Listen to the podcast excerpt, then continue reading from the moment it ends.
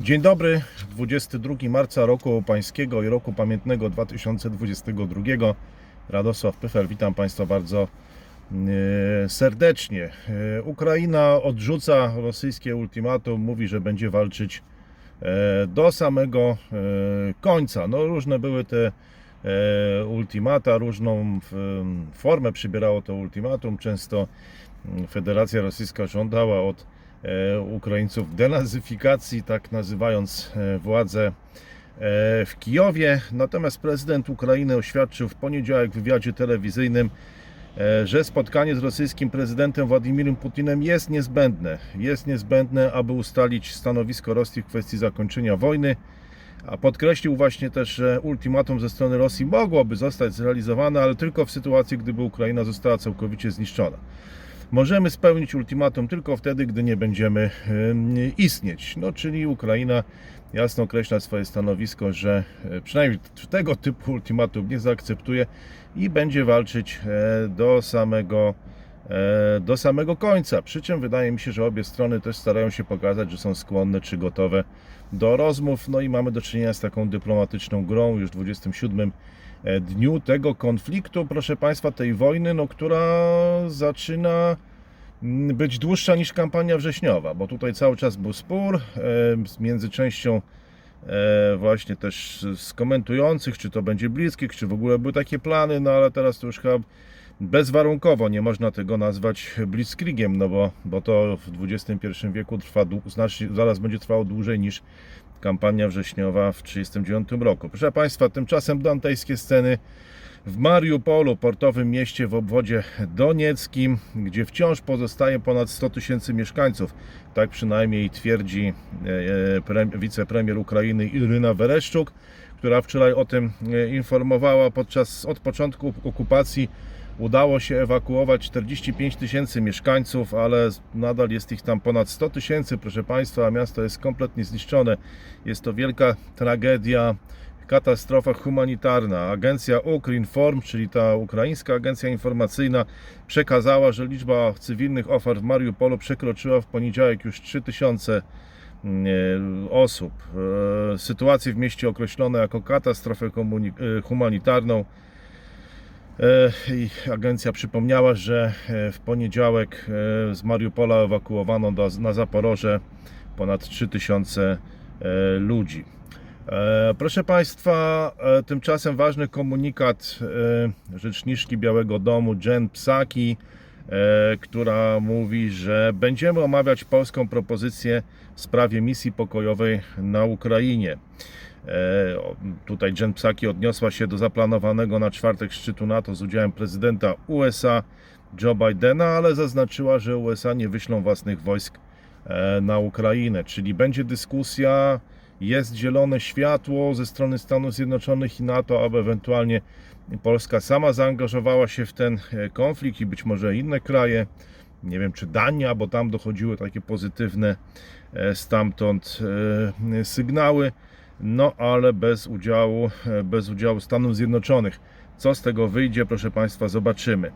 E, No i teraz e, właśnie no jak jak na to wszystko patrzeć, bo mm, w Polsce często mm, idzie to wzdłuż jakby tych podziałów politycznych. Są, istnieją dwie opcje, ale nie zawsze to idzie wzdłuż podziałów politycznych. Część osób uważa, że ta propozycja pokojowego zaangażowania NATO e, jest e, mm, nierealistyczna. Ja natomiast uważam, że jest w jakiś sposób e, pozytywna, no bo zmusza do dyskusji, pokazuje kto jest za, a kto jest przeciw i dobrze, że do takiej dyskusji w czwartek na szczycie NATO dojdzie, proszę Państwa. No, mm, tu istnieje cały czas takie przypuszczenie, że może Rosja jest silniejsza niż się wydaje, że może tylko prowokuje, że jest taka słaba i próbuje wciągnąć ten konflikt Stany Zjednoczone.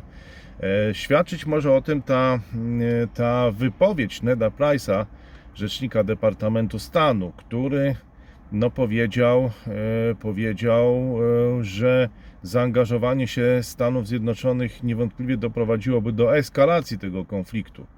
E, czyli jakby nie ma pewności, że Rosja jest, e, że Rosja jest e, słaba i że zostałaby rozgromiona, a Władimir Putin obalony i zastąpiony przez proobywatelskiego mm, jakiegoś kandydata czy prodemokratycznego oligarchę, że wręcz przeciwnie, no, gdyby się zaangażować w ten konflikt, to on by się zdaniem Neda Price'a przedłużył I to nie jest, proszę Państwa, jakaś taka no, e, krzepiąca mm, wiadomość, bo te ruchy mm, jakby poddają wątpliwość, że Rosja jest rzeczywiście taka słaba, no bo gdyby była, no to, no to szybko można by ten konflikt rozstrzygnąć, e, obalić Władimira Putina i wprowadzić i odwrócić Rosję właśnie w stronę, w stronę USA, chociaż może Amerykanie też nie chcą tego robić, bo w ten sposób mogliby zrazić dużą część elit rosyjskich i nie byłoby mowy o tym, o takiej współpracy czy odwróceniu Rosji w stronę e, Zachodu, bo byłaby ta trauma no, pokonanego mocarstwa. Być może ona zresztą odgrywa bardzo istotną rolę Y, te jakby uwarunkowania psychologiczne w, odgrywają istotną rolę, jeśli chodzi o podejmowane decyzje przez Władimira Putina i elity Federacji y, Rosyjskiej, co też wydaje mi się, że zgrabnie wykorzystują Chińczycy, którzy w swoich oświadczeniach grają na tej nucie antynatowskiej e, i często właśnie mówią, że Rosja ma powody do tego, żeby zachowywać się tak, jak się zachowuje. No i w efekcie jest jak jest, proszę Państwa.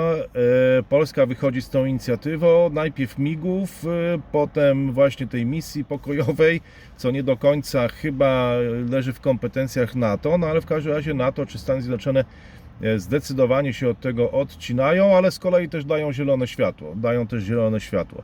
Więc proszę Państwa, to powoduje, że możemy już zacząć się zastanawiać, jakie warianty z tego zaczną się wyłaniać dla Polski, proszę Państwa. No, ja widzę na razie takie cztery warianty, których tutaj na tym kanale możemy sobie podyskutować. No, pierwszy to jest wariant marzeń, proszę Państwa. Wariant marzeń, wariant, o jakim Polska marzyła przez ostatnie 30 lat. E, to jest zimna wojna. To jest zimna wojna i podzielenie świata na dwa bloki. E, tylko z tą różnicą, że Polska teraz byłaby e, na zachodzie i byłaby tym krajem frontowym, tak jak kiedyś Berlin Zachodni no może nie Berlin Zachodni, bo Berlin Zachodni był tylko taką enklawą, ale, ale no krajem frontowym najbardziej na zachód wysuniętym, gdzie będą zasieki właśnie gdzieś tam e, na polskiej wschodniej granicy. No pytanie, co wtedy z Ukrainą? E,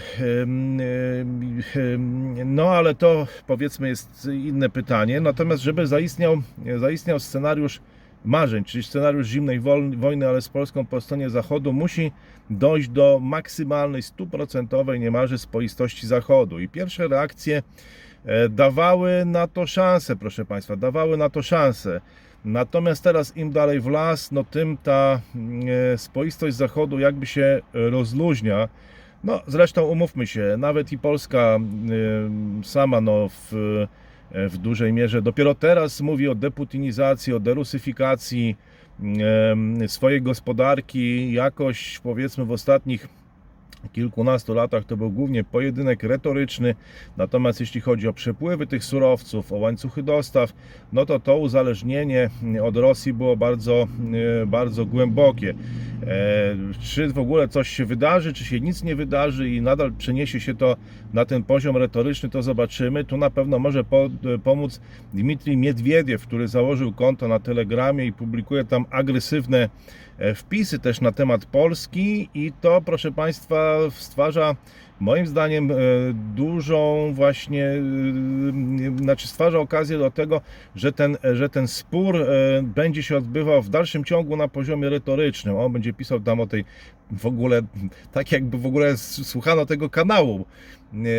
Te, te wpisy są tak zredagowane. Nie wiem, czy to ci z Państwa, którzy hobbystycznie ten kanał oglądają, w jakiś sposób e, również e, no, e, śledzą konto telegramowe właśnie Dimitrija Miedwiediewa, ale ale te nawiązania do tej wielkiej smuty, proszę Państwa, do tej rusofobii, o której mówiłem, do Stefana Żółkiewskiego i 1610 czy tam 12 roku, no to widzę, że, e, że gdzieś tam to pobrzmiewa w tym, tych wpisach Dimitrija Miedwiediewa, no i to zrozumiałe, bo to daje szansę na to, że ten spór z Polską będzie tylko w warstwie retorycznej, że jeśli chodzi o uzależnienie się od gazu, od ropy, to niewiele się, niewiele się zmieni E, To jest jakby z punktu widzenia rosyjskiego, podkreślam rosyjskiego, a nie polskiego, a przynajmniej nie takiego, które ja to definiuję.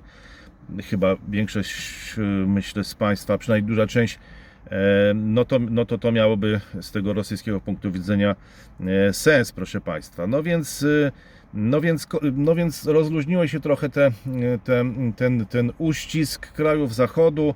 Mamy do czynienia z, z takim koncertem mocarstw, więc kraje nie chcą się opowiedzieć po żadnej ze stron niektórej, to po obu tych tak zwanych stronach tej zimnej wojny nie chcą się opowiedzieć, dystansują się, mówią, że nie zajmują żadnego stanowiska, albo niektórzy się opowiadają, zajmują stanowisko, opowiadają się za sankcjami, ale potem mówią, że te sankcje są niemożliwe do zastosowania, że trzeba zaczekać, albo że bezpieczeństwo energetyczne jest dla nich ważniejsze, więc popierają, e, ale nie popierają, czyli popierają deklaratywnie, ale potem, e, no jeśli chodzi o stosowanie tych sankcji, to nie popierają i tutaj Joe Biden i USA są przed w ciężkiej sytuacji, bo niewątpliwie bardzo zależałoby, gdyby to nasze marzenie miało się spełnić, no to USA musiałyby to pociągnąć, musiałyby efektywnie narzucić te sankcje na Rosję. E, No i zobaczymy. Na pewno nie zrobią tego Chiny, które, tak jak mówiliśmy, siedzą na wzgórzu, obserwują walczące tygrysy, wykonują ruch węża e, i mówią cały czas o tym, że to USA przypięło dzwoneczek do piersi tygrysa, czy do szyi tygrysa i powinno go zdjąć, co jest bardzo trudne. E, No i tak to, proszę Państwa, się i tak to się toczy. Niemcy daleko od doliny, daleko od doliny. E, No i tak chyba wygląda na to, że próbują przeczekać. No trudno powiedzieć, żeby to była taka postawa jak Chin, bo, bo na wzgórzu nie siedzą, ale próbują przeczekać. Próbują przeczekać. I no dalej mamy, proszę Państwa, Białoruś. To ciekawa sytuacja, bo tam w tej dolinie walczy Ukraina i Rosja, a Białoruś jakby schowała się gdzieś w ciemnej dziurze w tej dolinie. Nie na wzgórzu, ale gdzieś tej, gdzieś tej ciemnej dziurze i nie wiem, te samochody, ta armia gdzieś tam próbuje dojść, ale znika ten trójkąt właśnie bermudzki w Puszczy Białowieskiej, na tych bagnach Polesia. E, Nie mogą, proszę Państwa, dojechać. No coś dziwnego się tam dzieje. Może to, proszę Państwa, e, wyjaśnią jacyś parapsychologowie, e, co tam za naszą wschodnią granicą się dzieje, że nie mogą, że nie mogą dojechać na front. Tak jak kiedyś wojak Szwejk, mam, mam, mam wrażenie. No i proszę Państwa, Polska nad tą doliną, nie na wzgórzu, ale nad tą doliną, bezpośrednio prawie przy tej, przy tej całej awanturze, nie, tylko Polska, bo także Mołdawia, podkreślajmy to, także Węgry, także Słowacja, no i Rumunia. E, To my jesteśmy e, ani na wzgórzu, ani w dolinie. No i bardzo teraz ważne, jak się potoczą najbliższe tygodnie i, i co z tego wyniknie, proszę Państwa, czy uda nam się uciec na wzgórze, czy zostaniemy ściągnięci do doliny. E, Więc cała ta subtelna gra dyplomatyczna się odbywa, proszę Państwa, bo Ukraina już zadeklarowała, że będzie walczyć do samego końca. E, Rosja, proszę Państwa, dobrze, to jest pierwszy wariant, wariant marzeń, czyli wariant zimnej e, wojny, ale z Polską po stronie e, zachodu. Drugi wariant, proszę Państwa, to jest taki wariant trochę ze sztuk walki, z takiego judo, ale wiele sztuk walki, jak boks w ogóle, no cała, wiele tych sztuk walki właśnie na tym się opiera, że pokazujemy, że jesteśmy słabi, wysyłamy taki sygnał, przeciwnik atakuje i my wtedy odpowiadamy y, z większą siłą, której nikt nie oczekiwał. No i pytanie, czy nie jest tak, że Rosja wciąga do tej wojny, wciąga do tej wojny, pokazuje, że jest słabsza, prowokuje Stany Zjednoczone do tego, żeby te zaatakowały. No Stany Zjednoczone nie dają się prowokować. Konsekwentnie mówią, nie będziemy się w to angażować.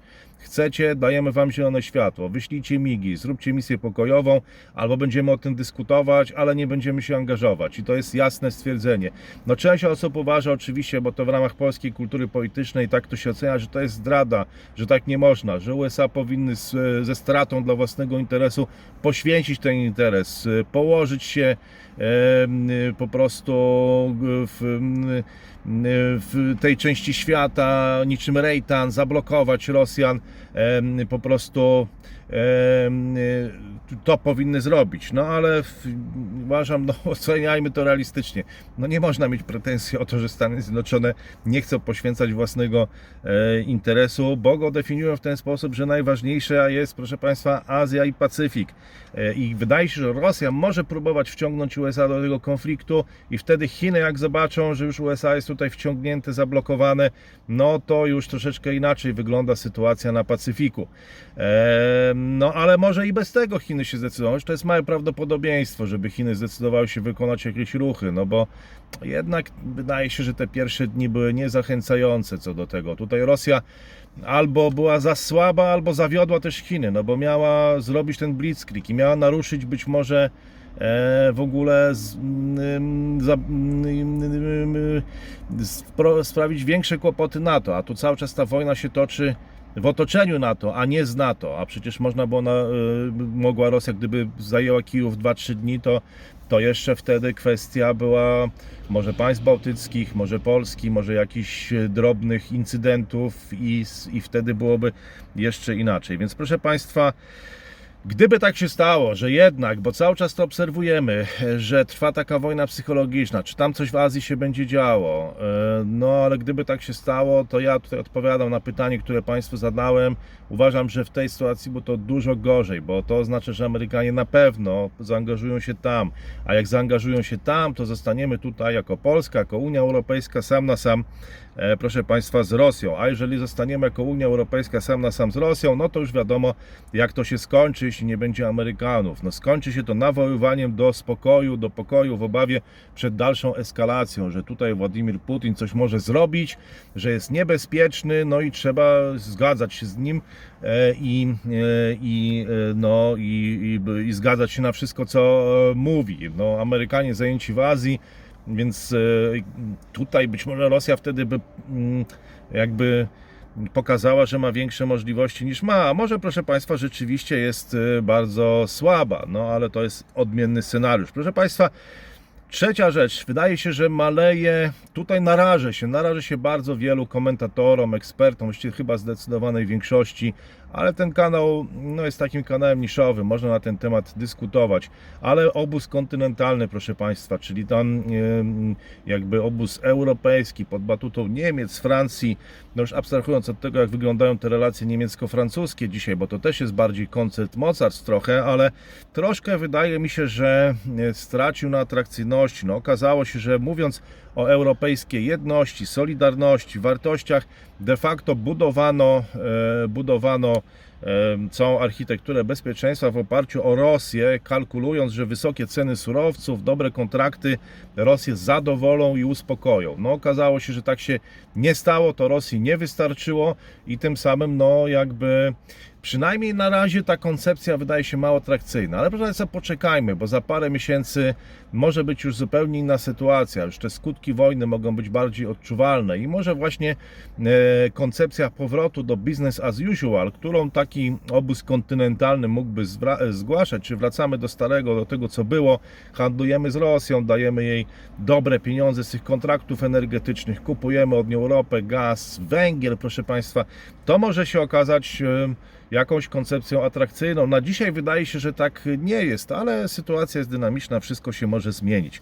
Proszę Państwa, gdyby to oznaczało, i to jest w tej koncepcji, że Rosja jest rzeczywiście bardzo słaba, że nie dała rady i nie radzi sobie i cały czas po prostu idzie na wyniszczenie z Ukrainą e, i sama też się wyniszcza w ten sposób, e, no to status quo to by oznaczało utrzymanie status quo przez parę miesięcy. To status quo, które jest wyniszczające dla Ukrainy.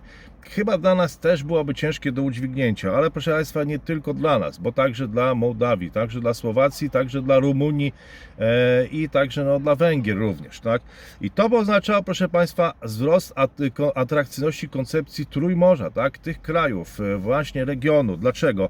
No dlatego, że widać wyraźnie, że myślą inaczej, mają inną perspektywę. No, świadczą o tym te No tutaj NATO nie chce się angażować jakby, te migi, wysyłajcie sami, sami się angażujcie. No cały czas jakby przynajmniej Polska no liczyła, że to inni będą się angażować za nas. Teraz ci inni mówią, nie, to wy się angażujcie, a my zobaczymy.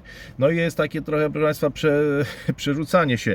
E, I ta inicjatywa jakby prezesa, naczelnika państwa Jarosława Kaczyńskiego, no jest kolejną tego, tego typu właśnie przeciąganiem liny, która pokazuje, że troszkę inne jest spojrzenie, to globalne właśnie e, na to, a troszkę inne regionalne. No i to też jest odmienne postrzeganie tej całej sytuacji. Pamiętajmy, że to są inne społeczeństwa. Te społeczeństwa zachodnie są multikulturowe. To już nie chodzi nawet o te kwestie światopoglądowe czy obyczajowe, bo przecież równie dobrze w Polsce za chwilę może wygrać rząd Koalicji Obywatelskiej albo, nie wiem, Adrian Zandberg czy Robert Biedroń kwestie obyczajowe nie będą wtedy tak no, em, s-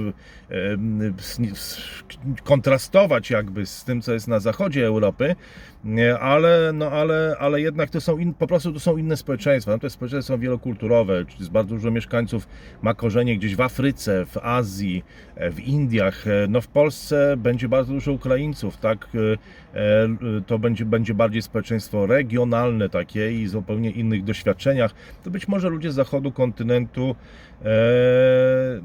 nie będą tego rozumieć. No to nie chodzi o to, że jestem jakimś trolem putinowskim, tylko no let's face the truth. No wielu, spójrz- spójrzmy prawdzie w oczy, wielu z Państwa mieszka w USA, m, czy w Londynie, czy w zachodniej Europie. No w- to ludzie przyjechali tam z innych części świata niż w Polsce i to po prostu musimy sobie powiedzieć, no, no, no nie ma co się oszukiwać.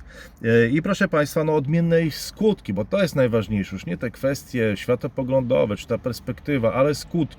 Skutki, proszę Państwa, e, tego kryzysu, jeżeli on będzie e, się e, przedłużał, no to zupełnie inne będą w tej części świata, a zupełnie inne na zachodzie Europy, no gdzie dla nich to jest konflikt taki powiedzmy jak dla nas był w Afganistanie, czy w Syrii, bo ten w Syrii też nas jakby nie dotykał i to też było inne spojrzenie nasze od chociażby Niemiec, które przyjęły wtedy bardzo dużo migrantów.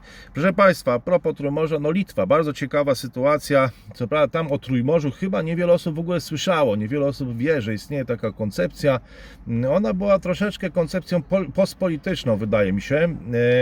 A teraz może nabrać zupełnie nowego znaczenia. No w każdym razie e, Litwa jest na kursie kolizyjnym z Chinami i mówi, dopóki ten kraj się nie określi, czy jest po stronie właśnie e, e, Ukrainy, czy jest po stronie Rosji, to należy zbojkotować szczyt Unii Europejskiej z Chinami. No zobaczymy, co na ten temat zrobią Niemcy. Na razie Volkswagen razem ze swoimi chińskimi joint ventures będzie zwiększał tam dostęp do surowców w Chinach.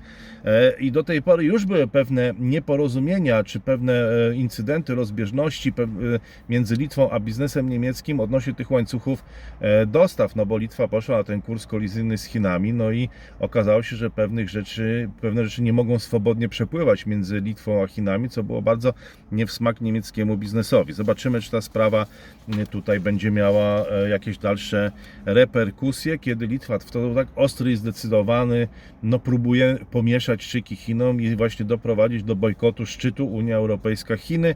No pewnie to się nie odbędzie, no ale zobaczymy. Ale Litwa tutaj rzeczywiście cały czas atakuje. Zresztą nie ma chyba nic do stracenia, bo widać jaka jest sytuacja geopolityczna na świecie. Eee, I tylko Stany Zjednoczone, tylko Stany Zjednoczone mogą być tym gwarantem e, Litwy, jeżeli coś pójdzie nie tak na Ukrainie.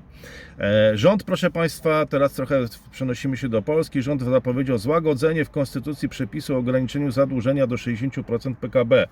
No, troszkę może być to groźne, mm, e, że jednak e, to zadłużenie może być wyższe niż 60% PKB. No, ale jak popatrzymy na różne kraje europejskie, czy tak zwane kraje rozwinięte, to to 60% PKB, no to jest bywa znacznie przekraczane. E, No, więc e, zapowiedział złagodzenie, rząd zapowiedział złagodzenie w Konstytucji przepisu o ograniczeniu zadłużenia do 60% PKB, jakoby niezbędnego dla podniesienia wydatków na obronę w związku z zaistniałą sytuacją. Opozycja mogłaby się zgodzić na dyskusję w tej sprawie i nawet jakieś rozmiękczenie obecnej reguły, do zmiany, bo do zmiany Konstytucji potrzeba większości dwóch trzecich głosów, ale tylko pod warunkiem jednoczesnego otworzenia w Konstytucji możliwości przyjęcia waluty euro przez Polskę, ocenił Marcin Święcicki, czyli No tak, czyli, czyli warunkiem opozycji jest to, że wchodzimy do strefy, do strefy euro. E, No, to proszę Państwa, będą niezwykle istotne decyzje. Konstytucyjne otwarcie na euro wynika nie tylko z sytuacji, z konieczności finansowej stabilizacji, jaką zapewni Polsce realnie i w oczach inwestorów unijna waluta, jedna z najmocniejszych na świecie. Wprowadzenie euro to nasz obowiązek wynikający z traktatu akcesyjnego przyjętego w ogólnonarodowym referendum, mówi Marcin Święcicki, polityk Koalicji Obywatelskiej. No ciekawe, ciekawe, bo wydaje się, że to, co było niemożliwe, staje się możliwe, że jest ten historyczny moment, historyczna chwila i za chwilę możemy, tak jak Słowacja i Litwa, e, znaleźć się w strefie euro. Nie chcę tu otwierać debaty znowu, e, jakie to miałoby skutki negatywne i pozytywne, bo to może temat jest na inny komentarz, ale dojrzała, dojrzał ten moment, dojrzała ta chwila. No zobaczymy, jak to się skończy. Rząd proponuje zmiany konstytucji, do poparcia namawia opozycję. Jeden z ekspertów, e, e, e, Sław, profesor Sławomir Patyra mówi wyłączenie z progu zadłużenia publicznego wydatków na armię, możliwość konfiskowania majątków osób, które zostały objęte sankcjami oraz dodatkowe opodatkowanie dla podmiotów, które kontynuują swoją działalność w Rosji. Takie zmiany w konstytucji w sytuacji rosyjskiej agresji na Ukrainę chciałby wprowadzić rząd. Pomysł włączenia do tekstu konstytucji pierwszego z wymienionych elementów jest niesłychanie niebezpieczny, a drugi i trzeci absurdalny, właśnie powiedział profesor Patyra. No, wyłączenie z progu zadłużenia publicznego wydatków na armię, konfiskowanie majątków osób, które zostały objęte sankcjami i dodatkowo opodatkowanie dla podmiotów, które działają w Rosji. No to, I to naprawdę jest takie straszne? No to jak mamy zdeputinizować gospodarkę? No ale no ale zobaczymy. Jestem bardzo ciekaw, jak to się potoczy. Jestem przekonany, że Putin wyraźnie wie jedną rzecz. On liczył, że będzie w stanie podzielić NATO, powiedział Joe Biden podczas konferencji. Mówi, że my, Ameryka, mamy broń chemiczną i biologiczną w Europie, ale to jest nieprawda. Sugeruje także, że Ukraina posiada tą broń. To jest bardzo klarowny znak, że, proszę Państwa, on zamierza jej użyć i musimy do tego podchodzić bardzo ostrożnie. No jeżeli ktoś mówi, że macie broń biologiczną, no to być może szykuje grunt pod to, żeby zaraz samemu tej broni biologicznej użyć, więc to ciekawe. Rosyjskie twierdzenia o użyciu na Ukrainie pocisków hipersonicznych mają zapewne odwrócić uwagę od postępów w kampanii lądowej. Jest mało prawdopodobne, by znacząco wpłynęły one na wynik walk, oceniło w poniedziałek niezawodne brytyjskie Ministerstwo Obrony. Rosja twierdzi, że wystrzeliła pewną liczbę pocisków hipersonicznych przeciwko celom na zachodniej Ukrainie. Jeśli to prawda, był to prawdopodobnie Kinżał. No niewiele mi to mówi, ale Państwo się pewnie doskonale orientujecie, że jest to system rakietowy wystrzeliwany z powietrza oparty na pocisku batalistycznym Iskander, który był już intensywnie wykorzystywany przez siły rosyjskie do ataku na Ukrainie. Rosyjskie twierdzenia o użyciu rozwijanego systemu Kinżał mają najprawdopodobniej na celu odwrócenie uwagi od braku postępu w rosyjskiej kampanii lądowej. Jest bardzo mało prawdopodobne, bo użycie tych pocisków wpłynęły, wpłynęło w istotny sposób na e, wynik e, e, rosyjskiej kampanii. E, proszę Państwa, ciekawa sytuacja, jeśli chodzi o Quad i tutaj Joe Biden również się do tego odniósł, że wśród sojuszników Quad Stanów Zjednoczonych, Japonii, Australii tylko Indie okazały się nieco chwiejne w swojej reakcji na inwazję Rosji na Ukrainę. No to proszę Państwa, takie nieco chwiejne to jest bardzo dyplomatyczne stwierdzenie, no bo Indie po prostu ogłosiły oficjalnie, że zwiększą e, import rosyjskiej e, ropy, bo muszą walczyć ze skutkami gospodarczymi e, pandemii, o czym mówiliśmy wczoraj, zdaje się, we wczorajszym komentarzu, więc nieco, powiedzmy, że nieco chwiejna postawa w czasie tego koncertu e, mocarstw, a nie, e, no właśnie, koncertu mocarstw chyba, bo każdy widzę, że tam próbuje jakąś swoją grę grać i, i nie ma tutaj takich jednoznacznych stanowisk, ale tak, proszę Państwa, prezentuje się Japonia i Australia zdecydowanie. A japoński premier Fumio Kishida stanowczo zaprotestował we wtorek przeciwko decyzji władz Rosji o odstąpieniu od negocjacji z Japonią w sprawie układu pokojowego, który nie został podpisany po II wojnie światowej z powodu sporu o cztery wyspy na Pacyfiku. Kishida ocenił działania Moskwy jako niemożliwe do zaakceptowania i podkreślił, że obecna sytuacja jest wynikiem rosyjskiej agresji na e, Ukrainę, co przekazała publiczna japońska stacja NHK. E, rosyjskie MSZ ogłosiło w poniedziałek, że rezygnuje z dalszych negocjacji pokojowych z Japonią z powodu otwarcie nieprzyjaznego stanowiska Tokio wobec Moskwy. No a tam jest jeszcze kwestia wspólnych biznesów, proszę Państwa, Sachalin 1 i Sachalin 2 to są mm, e, no to jest e, ropociąg i gazociąg, który przez te Wyspy Kurylskie idzie i tutaj Japonia chyba nie była zbyt entuzjastyczna, jeśli chodzi o sankcje na energię, więc znowu to się toczy gdzieś na poziomie retorycznym, natomiast gdzieś na tym poziomie surowcowym, faktycznym, energetycznym, no tu jest troszkę, tutaj jest troszkę gorzej, ale retoryka jest na tyle ostra, że Rosja e, mówi, że to jest otwarcie nieprzyjazne stanowisko i to Rosja rezygnuje e, nawet już tutaj z rozmów, co, co nie podoba się Japonią na, na Japonii i na co to Japonia e, i na co Japonia również zdecydowanie reaguje. E, zapasy żywności i amunicji wojsk rosyjskich na Ukrainie wystarczą na co najwyżej 3 dni. Rosjanom brakuje też paliwa, oświadczył we wtorek w porannym komunikacie Sztab Generalny Ukraińskich Sił Zbrojnych. Fantastyczna w ogóle komunikacja Ukraińców, zarówno ta medialna, jak i ta wojenna, wojskowa. No, okazuje się, że Ukraińcy umieją wojnę e, i tego typu komunikaty no, zawsze mogą osłabiać jakieś morale, a też dodawać morale swoim wojskom. Przeciwnik ma znaczne problemy z zaopatrzeniem wojsk. Rosyjskie siły okupacyjne działające na terytorium Ukrainy mają zapasy amunicji i żywności na nie więcej niż 3 dni. Analogicznie jest z paliwem, które uzupełniane jest przez dostawy z cysternami samochodowymi. Okupantom nie udało się zorganizować połączenia rurociągowego w celu uzupełnienia potrzeb grup wojsk głosi oświadczenie sztabu, które zostało opublikowane na Facebooku. Jeżeli ktoś nas szanuje, szantażuje bronią nuklearną, to trzeba tą broń pokazać, powiedział z kolei w gościu wydarzeń generał Roman Polko, były dowódca jednostki GROM. Dodał, że jeśli chodzi o rozmieszczenie w Polsce nośników broni e, nuklearnej, które są w stanie e, sięgnąć Moskwy, jego zdaniem takie posunięcie na pewno zrobiłoby wrażenie na Putinie. Wyjaśnił, że możliwe jest rozmieszczenie w Ukrainie wojsk pokojowych. No, coraz, proszę Państwa, ciekawiej. Ambasador Ukrainy w Polsce, pan Andrii Deszczyca, w wywiadzie dla kanału 24 powiedział, że istnieją obawy, że Rosja może zaatakować Polskę. Polski rząd się do tego przygotowuje. Pan ambasador mówił także o pomocy, której Polacy udzielają Ukraińcom uciekającym przed wojną. Wspomniał też o przyjęciu ustawy w obronie ojczyzny i to, proszę Państwa, nie dziwił. Ukraina jest tym krajem, najbardziej chce zaangażować e, pozostałych do tego konfliktu żeby no, zmniejszyć tą dysproporcję sił, jak istnieje między Ukrainą i Rosją, no i, e, i tutaj no, stwierdzenie, że Rosja może zaatakować, że przypomnienie właściwie, bo chyba to jest przypomnienie, czy stwierdzenie, czy przypomnienie, że Rosja może zaatakować Polskę, miałoby zmobilizować, podejrzewam, polskie elity polityczne, opinię publiczną też do tego, żeby jeszcze bardziej zaangażowała się po stronie Ukrainy i może także dzięki temu, żeby zaangażował się świat zachodni. No na pewno nie zaangażują się Węgry, proszę Państwa, które nie poprą sankcji przeciw Rosji, które zagrażałyby bezpieczeństwu zaopatrzenia w energię, jak to powiedział i określił w poniedziałek, czyli wczoraj szef dyplomacji, go kiedyś miałem okazję spotkać, czy wielokrotnie nawet Peter Sijarto, który bierze udział w spotkaniu unijnych ministrów spraw zagranicznych.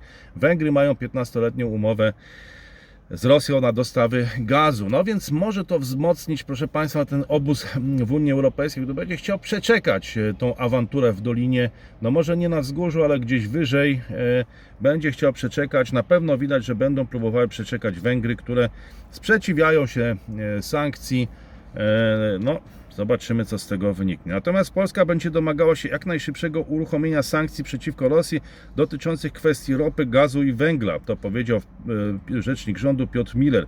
Podkreślił, że sprawa importu rosyjskiego węgla musi być uregulowana na poziomie europejskim oraz, że premier skieruje w tej sprawie list do Rady Europejskiej. No, zobaczymy, czy to się nie skończy znowu jakimiś koncertami, właśnie jakimiś gitarowymi szlagierami Maryli Rodowicz, a business is business. Czas pokaże, proszę Państwa, e, co jest e, rozrywką, co jest, co jest e, rozrywką polityczną, a co jest rzeczywistą polityką.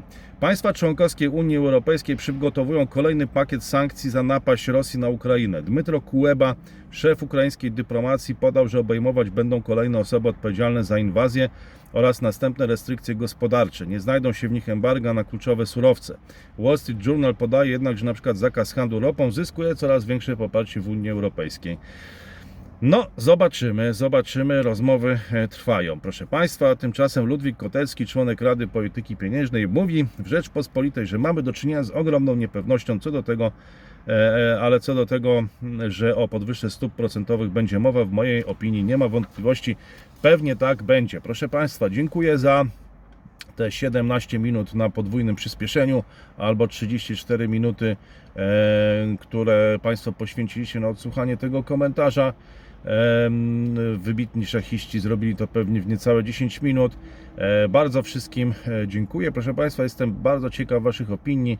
Tych z Państwa, którzy mieszkają, e, no nie tylko są hobbystycznie na tym kanale, czy służbowo, ale mieszkają poza granicami kraju. E, Proszę Państwa, przedstawiciele wielu zawodów, e, to mnie trochę nawet martwi, niepokoi, że w czasie pracy słuchacie tych komentarzy, e, często wykonując jakieś bardzo odpowiedzialne rzeczy. No mam nadzieję, proszę Państwa, że duchowni przynajmniej w czasie mszy świętej nie słuchają tych komentarzy. To zresztą chyba byłoby niemożliwe, ale wiem, że tutaj, że i rolnicy, i proszę Państwa, weterynarze, którzy przeprowadzają operacje często skomplikowane. Mam nadzieję, że, że, te, że te komentarze są, że ich struktura jest jasna, przejrzysta i że ona pomaga Wam tą pracę wykonywać. Wiem, że też wiele osób wracając do domu słucha ich w komentarzu, te komentarze stojąc w korkach. Wszystkich proszę Państwa pozdrawiam, jestem ciekaw Waszych opinii. Dostałem bardzo duży odzew. Wielokrotnie spotykam ludzi, którzy te komentarze e, śledzą.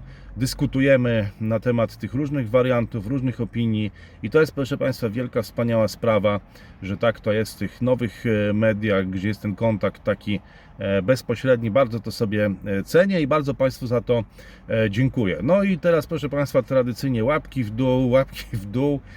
No, chociaż wiem, że część i tak da w górę. Nie polecajcie tego, e, tych komentarzy na oślep, nie wszystkim, ale tym, którzy uważacie, że dostrzegą e, w tych komentarzach jakąś wartość, inspirację.